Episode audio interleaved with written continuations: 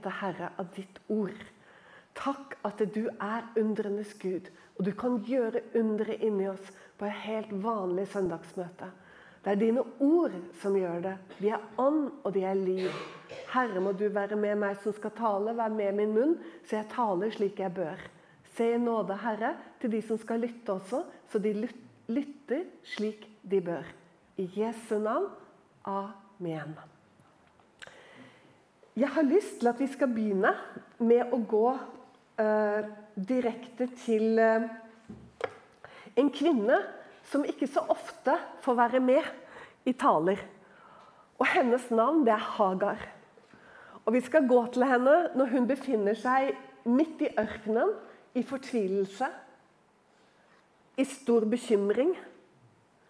Og hun er jaget bort av sin husfrue, som det står i min bibel. Og det var Sara. Og vi forstår mange ganger når vi leser om Abraham og Sara at hun var ikke bare enkel. Eh, det var jo hennes idé, dette her, med Hagar. At Abraham skulle få barn ved sin, hennes tjenestekvinne. Ikke sant? Eh, det var nok ikke så god idé. Og når det ble vanskelig, så ble hun sinna på mannen sin. Og klagde til han over at uh, denne Hagar hun plager meg. Fordi hun er blitt så, på godt norsk, overlegen.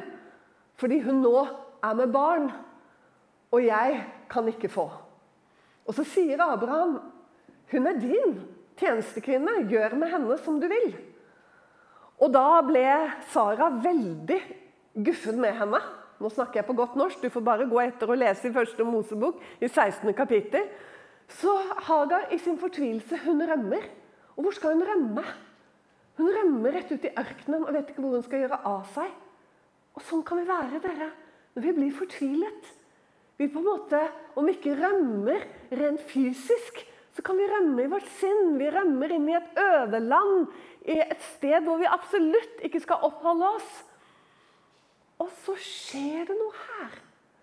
For hun setter seg ned ved en kilde i ørkenen. Naturlig nok. Sikkert tørst og sliten og helt fortvilet. Og så åpenbarer Herrens engel seg for Hagar og begynner å tale til henne. Det er egentlig litt rart at ikke vi har det med oftere, for det er en helt utrolig samtale. Og Herrens engel sa til henne, det står i 10. verset i 16. kapittel Nei, Egentlig så begynte det før, så jeg tror vi skal ta det fra starten. Men Herrens engel fant henne ved vannkilden i ørkenen, ved kilden på veien til Sur. Og han sa, 'Hagar, Sarais trellkvinne, hvor kommer du fra, og hvor akter du deg hen?' Hun svarte, 'Jeg har flyktet fra min frue Sarai.' Da sa Herrens engel til henne, 'Gå tilbake til din frue og bøy deg under henne.' Og Herrens engel sa til henne, 'Jeg vil gjøre din ett så tallrik at den ikke skal kunne telles for mengda.' Og Herrens engel sa videre til henne, 'Se, du er fruktsommelig og skal føde en sønn, og du skal kalle ham Ismael.' For Herren har hørt din nød. Og han skal bli et villasen av et menneske. Hans hånd skal være mot alle, og alles hånd mot ham. Og han skal bo østenfor alle sine brødre. Og hun ga Herren, som hadde talt med henne, navnet 'Du er Gud, den som ser'. For hun sa, 'Har jeg virkelig fått se ham som ser meg?' Derfor kaller de brønnen Lakai Ruis brønn, eller Lachai Ruis brønn. Den ligger mellom Kades og Bered. Lachai Rui. Det betyr 'den levende som ser meg'. Lachai, den levende. Rui, som ser meg. Er det ikke nydelig? Fantastisk. Hun gir Gud et navn. Hun sier 'Den Gud som ser meg'. Og så blir brønnen oppkalt etter dette. I all ettertid så ble brønnen hetende det. Og faktisk var det sånn at Isak han ble en som bodde ved denne brønnen, og dro til denne brønnen når han skulle be og ha en stille stund. Legg merke til at når han fikk sin kone Rebekka, når hun kom med tjeneren til Abraham tilbake fra der hvor hun var hentet, tilbake, så står det det at Isak kom opp fra Lakai, Lachai Rui-bredden. For han hadde hatt en stille stund med sin Gud. Så den fikk det navnet. Men dette som jeg tok nå til innledning, den skal føre oss videre til Salme 23. Og det er dit jeg vil. Og den er veldig, veldig kjent. Det er den mest kjente salmen i Bibelen. Det tror jeg vi kan si helt uten tvil. Den er skrevet av David. Vi vet ikke når han skrev den, om han var ung eller gammel. Eh, det vet vi ingenting om. Men man får en opplevelse at den er skrevet kanskje i den tunge tiden. Jeg tror det. Da David var jaget omkring av Saul og hans folk og bodde i Judea-ørkenen omkring Dødehavet. Jeg tror at den ble skrevet i denne perioden. Og La oss lese bare begynnelsen. For denne salmen er så rik at vi kommer ikke så veldig langt egentlig, før vi må stoppe. Og det begynner slik Herren er min hyrde. Meg fattes intet. Nå har jo jeg 1930-oversettelsen. Og 'fattes' er det ikke alle som forstår, men det betyr 'jeg mangler ingenting'. Altså, jeg skal ikke mangle. Jeg kommer ikke til å mangle. For Herren er min hyrde. Jeg hadde en sekretær på Pym. og Hun hadde en nydelig sånn liten eh, tegneseriestrek som hun hang på datamaskinen sin den gangen vi hadde litt større maskiner. Og der hang det en sånn liten strek, og der var det et lam som, liksom, som så litt sånn forvirret ut, med ett øre på hvert snegl, liksom. Helt sånn. og så sto det 'Herren er min hyrde. Jeg fatter ingenting'. Og det syns jeg var veldig fint. og da ble liksom 1930-oversettelsen så suveren. og hun var litt sånn, hun òg, nemlig. Altså, hun var utrolig sjarmerende og veldig dyktig, men samtidig det gikk litt i 120. Og det passet så godt med henne, liksom. 'Herren er min hyrde', eller Ja, 'Herren er min hyrde, jeg fatter ingenting'. Så det var veldig søtt. Så det er en veldig fin begynnelse, da. Og det er vel egentlig litt sånn det er med oss alle. Eh, det er ikke alltid så godt å forstå, men eh, det som er viktig at vi forstår For vi forstår egentlig svært lite. Og det er at han er vår hyrde. Og det er viktig at vi forstår. La oss ta med noe som er ganske fint, og som gjorde at jeg begynte med Hagar. Fordi På hebraisk så er det et ord her for hyrde, og det er roi. Og Fikk du en liten aha nå? For har jeg ikke akkurat sagt det? Roi betyr 'den som ser'. Det er ordet på hebraisk for hyrde. jeg tenker, Kanskje kommer det helt tilbake til Hagar. Så ble det hyrde. Det er jo fantastisk. Det er en Gud som ser meg. Og så sier David at Herren, altså Javé, han som er den han er Han er hyrde. Han er min hyrde. Det er så mye å legge merke til her. Fordi altså, hyrde er den laveste posisjon som du kunne ha i det hebreiske samfunn. Hyrdene det var gjerne det var faktisk gjerne jentebarna, de som hadde lavest status i familien, som var hyrder. Og så sier David at 'Herren er hyrde'. Og det er han som introduserer dette. Mm, det er fantastisk. Men det som er viktig for David å formidle til oss, det er jo at det er han som ser. Og hvis han som ser deg er den som er Gud, da mangler du ingenting. Og det er en bekjennelse som er veldig sterk og viktig å huske på når du ikke opplever det sånn i det hele tatt. Og det, jeg mener ikke at du skal pumpe deg opp på det liksom, og liksom bruke det som et mantra. Vi er ikke så opptatt av sånt. Men det er mer bare å vite det. Gud vil at det, altså, Dette vil han at du skal vite. Og Noen ganger så må han minne oss om det bare, ikke bare én gang i løpet av troslivet vårt, men flere ganger. For det, det, det er liksom det du må vite. Du, du, må ikke vite så veldig mye mer, faktisk. For det er voldsomt mange spørsmål du ikke kommer til å få svar på. Men de spørsmålene er ikke så viktige lenger når du vet at han ser deg. Det er det som er viktig. For Hagar så var det ikke noe vanskelig å gå tilbake til denne ubehagelige Sarai, som hun fortsatt het. Hun gikk villig. Og vi mange ganger må gå tilbake i ubehagelige omstendigheter. I perioder som noen ganger er lange, noen ganger korte. Men livet kan bestå av forferdelig ubehagelige omstendigheter innimellom. Men du kan gå tilbake fordi du vet at han ser deg. Han ser din sak. Og det er det du må vite. Og det er alt du trenger å vite. Og da kan du fortsette i denne salmen. For da gir den mening. Men, du, men det, det, må på plass som en grunnmur, og det er det Gud jobber med i våre liv til det sitter.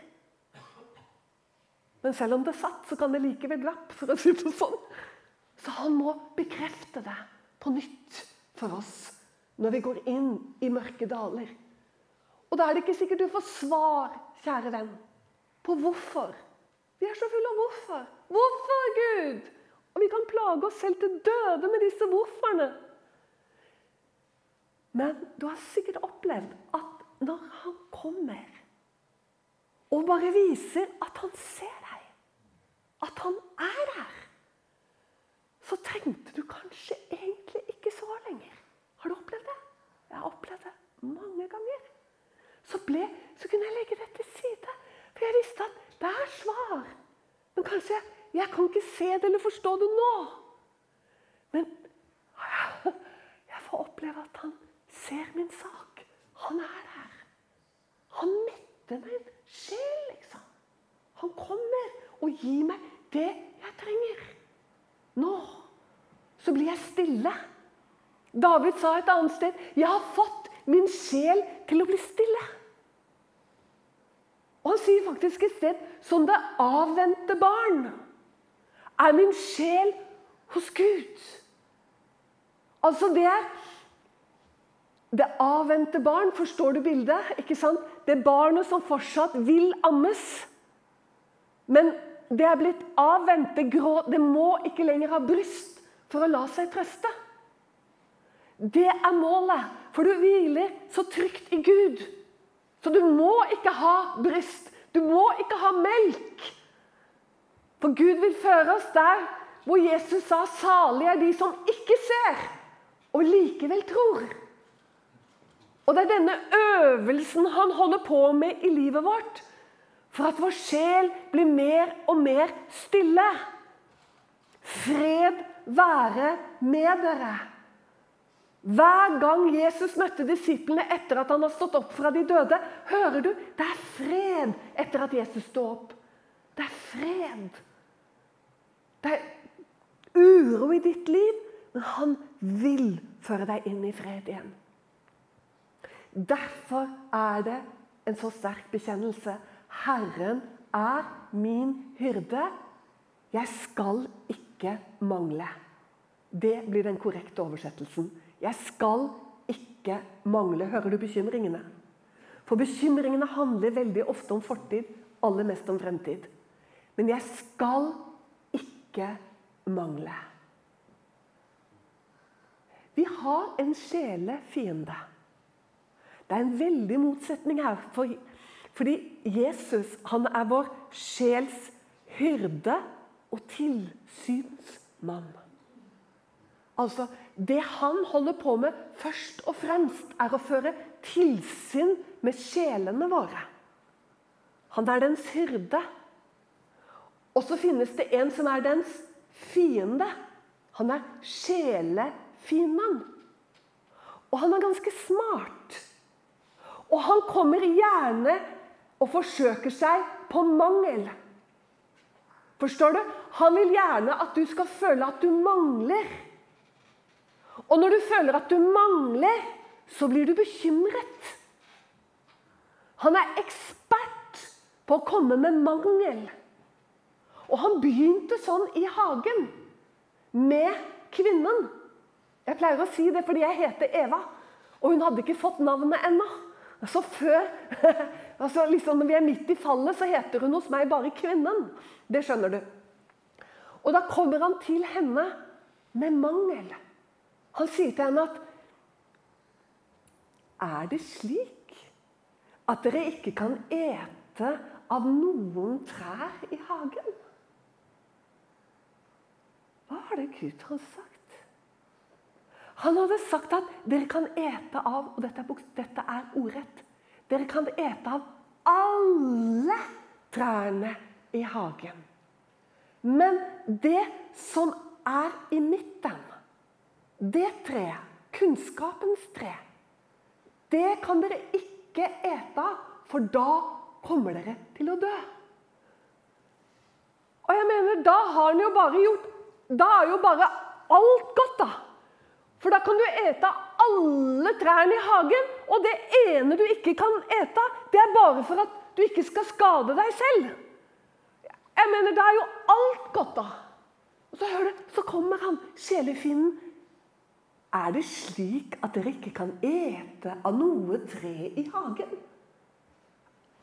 Og jeg tenkte, Den der burde hun jo liksom veldig raskt klare å plassere kvinnen. Sant? Og si det at Nei, sant? Men hør hvordan hun har endret seg allerede nå, for hun er påvirket. Og så sier hun jo, vi kan ete av trærne. Hun sier ikke lenger alle.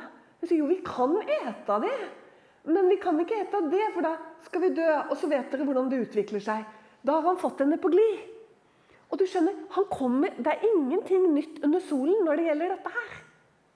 Så Det er derfor David bare med én gang adresserer det. For han har jo blitt prøvet til de grader der inne i Judea-ørkenen. Eh, jeg mener, Er det et område som er ugjestmildt og vanskelig å overleve i, så er det Judea-ørkenen. Da må du kjenne landskapet, så det er utrolig godt at han var hyrde før han ble jaget av Saul og hans hærer. Fordi du overlever ikke i Judea-ørkenen hvis ikke du kjenner landskapet. I hvert fall ikke den gangen med villdyr. Så du skjønner det, David bare adresserer det med en gang, og det gjør Bibelen hele veien. Og Derfor er det så viktig at vi lærer å stole på ham. Vi er ofte litt motsatt. Vi skal ha svar på en rekke spørsmål som handler om våre liv. Men han er opptatt av at vi stoler på ham. Lærer han å kjenne. Forstår han hele oss at han er virkelig hyrde. Han er virkelig Jeg mener, han er min sjels tilsynsmann. Og når jeg ser bakover de årene jeg har gått Hallo!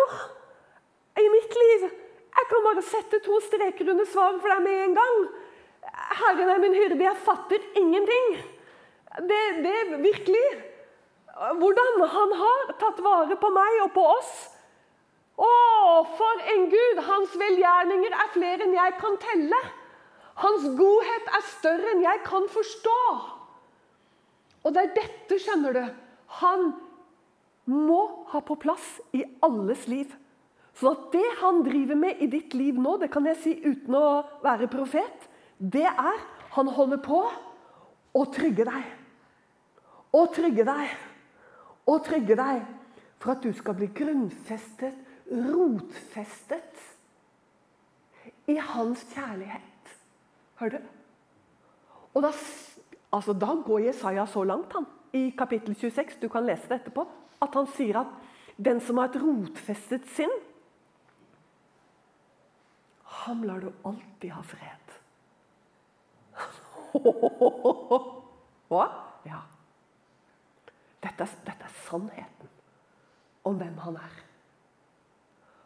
Og David er den som har lov til å si denne salmen til oss, for vi vet at den var skrevet for en mann, og av en mann som var hardt prøvet i tillit. Men Gud kom aldri for sent. Han slutter salmen med å si at han etterjager meg. Med godhet og miskunnhet. Og det er akkurat det han gjør. Det kommer så mye imot oss som er ikke noe vi ønsker og vil ha. Og det kommer, og det ene og det andre, og jeg orker ikke mer, liksom. Sånn kan det være i perioder. Men da står det at han etterjager. Og det betyr jo at han kommer opp bakfra. Sant? Han kommer etter deg. Han jager etter deg. Men hva da? Med miskunn og godhet. For at du skal skjønne. Han er Gud. Å, Gud, hvor god du er. Dette er det han driver med hele tiden i våre liv. Og til og med når vi roter oss bort. For det er jo noen av oss som har gjort det. Sant? Som har rotet seg vekk. Og det er jo da han virkelig begynner å etterjage. For husker du lignelsen Jesus fortalte? Den er veldig lett å lese, og det er veldig lett å høre den mange ganger uten å tenke så voldsomt mye over hva han sier. Og nå tror jeg jeg tar fra Lukas kapittel 12, eller, nei, kapittel 15 er det. Så du kan lese den hjemme i kveld. Men nå får du bare stole på meg. For der sier faktisk Jesus at om du er bonde Og her er det jo utrolig mye sauer i dette området, er det ikke det? Sånn at sauer er dere veldig vant med. Så står det, Og du har 100 sauer. Og så står det at du mister én. Ja, dette er en underlig lignelse. Altså, Jeg tror at det er bønder i dag òg som ser at han har mistet én. Og, og, og, og, som går etter den ene. Og som går til han finner den. Altså, Han gir seg ikke før han finner den. Jeg tror at det finnes sånne bønder. Men jeg er ikke så sikker på at det finnes sånne bønder hvis du må forlate de 99 i ørkenen. For det er det det står at, at denne hyrde, som er vår Gud, han, sier det. At han forlater 99 i ørkenen. Og det er jo det, det, er jo det som er tilfellet i Israel. vet du. Det er jo Der hvor de går og gjeter sauene i Israel, det ser mer ut som ørken. Det ligner ingenting på disse grønne gressgangene dere har her på Jæren. Vi får sånne bilder, vet du, at han lar meg ligge i grønne Nei, nei, nei. nei. Du skjønner det? Sauene i Israel de gjeter i ørkenen. De gjeter inne i Judea og inne i Negev. Der går de. Du kan ikke skjønne. Hallo! Der er de. Og så sier Jesus at den gode hyrden Han faktisk han sier det sånn. Hvem gjør ikke det, liksom? Jeg er ikke så sikker, Jesus, at alle ville gjort det ville forlatt 99. Du ville vært glad. Tenkt at dette, dette er et godt regnskap. Jeg har fått igjen 99 og mista én. Og jeg går i hvert fall ikke fra de 99 og risikerer noe helt forferdelig og, miste flere. Fordi jeg, jeg, er så dum at jeg går etter den ene, og ikke gir meg heller. Jeg, jeg gir meg ikke, jeg går til jeg finner den. Men han vil at vi skal skjønne hvordan Gud er. Forstår du? Hvis han må forlate 99, så går han etter den ene til han finner den. Det er en fantastisk Gud. Og det er en utrolig stor Gud. Som har kontroll på de 99, og derfor kan han gå etter den ene. Åh, for en Gud! Vi gjør han ofte så liten med alle våre bekymringer og åndelige kamper. og Vi bekjenner til venstre, vi bekjenner til høyre, og vi holder på. Jeg sier ikke at alle gjør det, men det er jo noen som holder på sånn og sliter seg helt ut. Åh, jeg tror det trengs et stort utpust Altså, Så stor er ikke vår sjelefiende. Vi har en enorm Gud som har en kjærlighet og en omsorg som er helt ufattelig. Og vi har ikke kommet ut av første vers engang. Jeg vet ikke om du har merket det, Vi har kanskje vært litt innom her, men han lar meg ligge i grønne enger. Han leder meg til hvilens vann. Han vedekveger Ja, nå vet dere hvorfor jeg har denne, denne poetiske oversettelsen. Det er ingen som vet hva vedekveger er lenger. Men du får liksom litt følelsen nå. Gjør du ikke det? Vedekveger, det høres veldig sånn fint ut. Han vedekveger sjelen min. På hebraisk så står det 'Han bringer sjelen min hjem igjen'. Han bringer meg tilbake igjen. Er det ikke nydelig? Og han gjør det hvor da? Han gjør det ved stille vann, står det på hebraisk. Ved stille vann. Og det er jo det de gjorde ved dagens slutt. Så ville alltid hyrden bringe flokken sin til stille vann, hvor de kunne få drikke. Det var ikke noe vi gikk frem og tilbake. Nei, når dagen og solsteken var over, så brakte hyrden dem til stille vann. De stolte på det. Det er ikke sikkert alltid at det er så lett for oss som lever i Norge, hvor det er grønt overalt og vannet renner overalt, å helt forstå Salme 23. Fordi her kan du bare slippe de ut rundt omkring på Jæren, og de finner jo grønt gress i overflod. Men ikke Israel. De er helt avhengig av hyrde, og har det den dag i dag. Fordi de kan ikke greie seg uten hyrde. Ikke fordi det er så voldsomt mange løver og bjørner i Israel i dag, selv om det er ulver. Men hør nå Fordi de kan ikke finne mat, og de kan ikke finne vann. De er helt avhengig av hyrde. Forstår du? Så det er ikke sånn liksom at, at liksom de israelske bøndene slipper de bare ut, liksom ut gjennom gjerdet, og så er de ut på gresset på den andre siden. Nei! De går av gårde for å finne mat i Judea-ørkenen. Og de kan ikke klare det selv. Og det er dette bildet Gud vil at vi skal ha. At du kan ikke klare deg en dag uten meg. Altså, det, er, det er så underlig. Han vil ha oss så avhengig. Og da skjønner du kanskje hvorfor han noen ganger føler at han stikker litt kjepper i hjulene våre. og liksom, skjønner du? Ja, men det er bare godhet. For noen ganger så farer vi av gårde. Han vil ha så tett og så avhengig av han. Egentlig ganske små. Det var en her i går som sa jo det var deg, som sa det at Jakob, etter at han eh, Nei, ikke Jakob. Paulus. Etter at Paulus møtte Gud, så tok Paulus et nytt navn, for han het Saulus. Og det er jo fordi Paulus skjønte jo dette som jeg snakker om nå. Han skjønte det så til de grader. Altså At det er helt mulig å være veldig liten fordi Gud er så ufattelig stor. Så Paulus han ga seg selv navnet Liten. Han som var så svær og så viktig. Han er den eneste sann som egentlig kunne rose seg. For det er jo mange sånne litt små som Gud utvalgte seg gjennom Bibelen. Men Paulus han hadde jo noe å rose seg. Og vet du hva? Han tok navnet Paulus, og det betyr liten Han sa jo også at jeg er den minste av apostlene. Men jeg tror det gikk dypere enn det. For han sa jo at Gud har utvalgt seg det som ingenting er. Så Paulus ville være liten. Han ville påminne seg om at det er helt fint å være liten.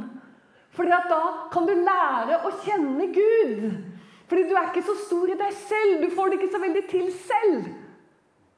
Men da er det desto bedre muligheter for Gud. At du lærer å kjenne at ja, men det gjør ikke noe å være liten. Og nå kommer jeg på den nydelige lille norske sangen. Hvorfor være stor når man er lykkelig så liten? Husker dere den? Og de, det var noe sånt noe som om de som ville være store, eller noe sånt, så de gikk det ille. Vi kan synge den etterpå. så store været ville, de gikk det riktig ille, eller noe sånt. Det er jo sånn, dette er jo sånn skatter. Bibelen er jo full av dette her. Det er veldig vanskelig for oss mennesker å skjønne det der. Fordi det, det, er noe som ligger i oss fra syndefallet. At vi blåser oss opp. Fordi vi ha, føler at vi må ha kontroll. Men eh, livet og vandringen med Jesus, det handler om å overgi kontroll. Og, og, David han kjente dette så godt, så han endte opp med å si at om enn jeg vandrer gjennom dødsskyggens dal, frykter jeg ikke for vondt. For til og med kjeppen og staven Det står 'de trøster meg'. Og en gang til, dere. Det blir, det blir så vidunderlig med all denne hebraisken, gjør det ikke det? Fordi at du skjønner det, det som står her for å trøste, det betyr også å omvende seg på hebraisk. Det er samme ordet.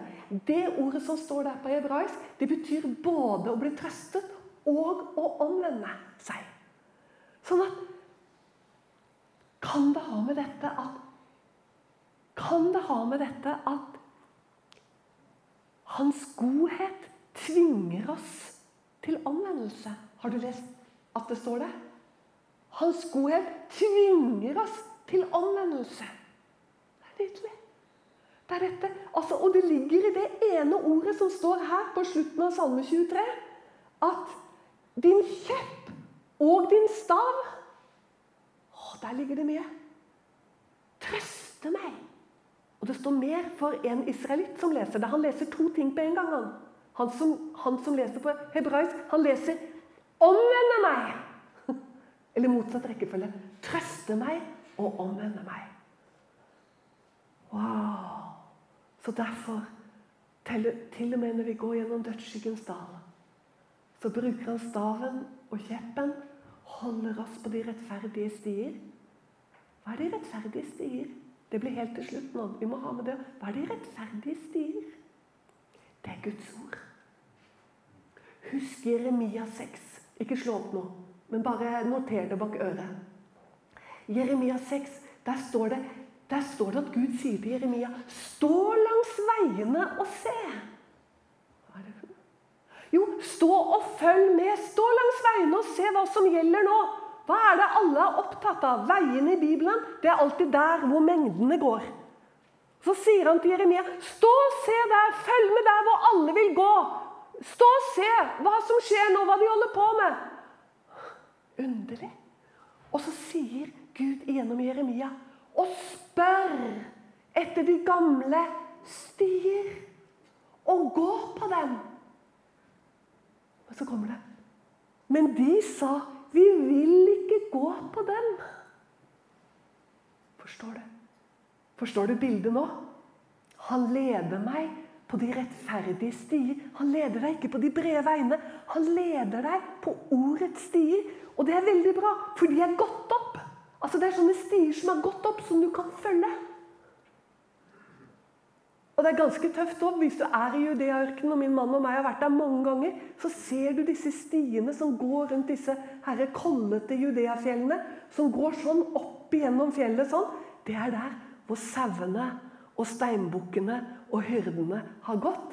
På disse stiene som er århundre gamle. Som er gått opp. Og det sier Gud, at vi skal holde oss på de stiene. De er smale, sa Jesus. Sånn? Veien er smal. Mm. Det er der vi vil være. Det er de rettferdige stier. Og da gjelder det at bare godhet og miskunnhet skal etterjage deg. Vet du, Dette er et regnestykke. Jeg tør å si det. Jeg tør å si det, selv om jeg bare i forrige uke underviste over Jobbs bok. Men dette er et regnestykke som går opp. Hvis du holder deg der Hør nå. Han leder deg der. Det betyr at han leder deg inn dit igjen. For deg som holder deg til ham, så leder han deg tilbake på de rettferdige stiene. Og så kommer regnestykket som går opp, og det er Da skal hans godhet og miskunnhet etterjage deg alle ditt livs dager. Wow. Og så kommer dette fantastiske. Og jeg skal bo i Herrens hus i all evighet. Der kommer det også en åpenbaring om et liv som er evig, som aldri noensinne tar slutt. Og det har vi fått. Det evige liv har jo begynt For alle som har tatt imot Jesus, den som har Sønnen, har livet. Og da er det Summen er lik fred og fullkommen fred for alle Guds barn. Må Han hjelpe oss, dere, å avsløre sjelefienden, som alltid kommer på samme måten. Men vi skal ikke underkjenne ham, for han har sansen, dere, for det som hører mennesket til. Og det betyr han kan faktisk ganske lett dra oss av gårde. Og han taler gjerne til sinnet. Og Gud taler her, gjennom ordet. La oss reise oss opp, og så skal jeg be. Herre og Far, vi takker deg for all din godhet i Jesus Kristus. Takk, Herre, at vi har kommet inn i noe som vi ikke helt kan fatte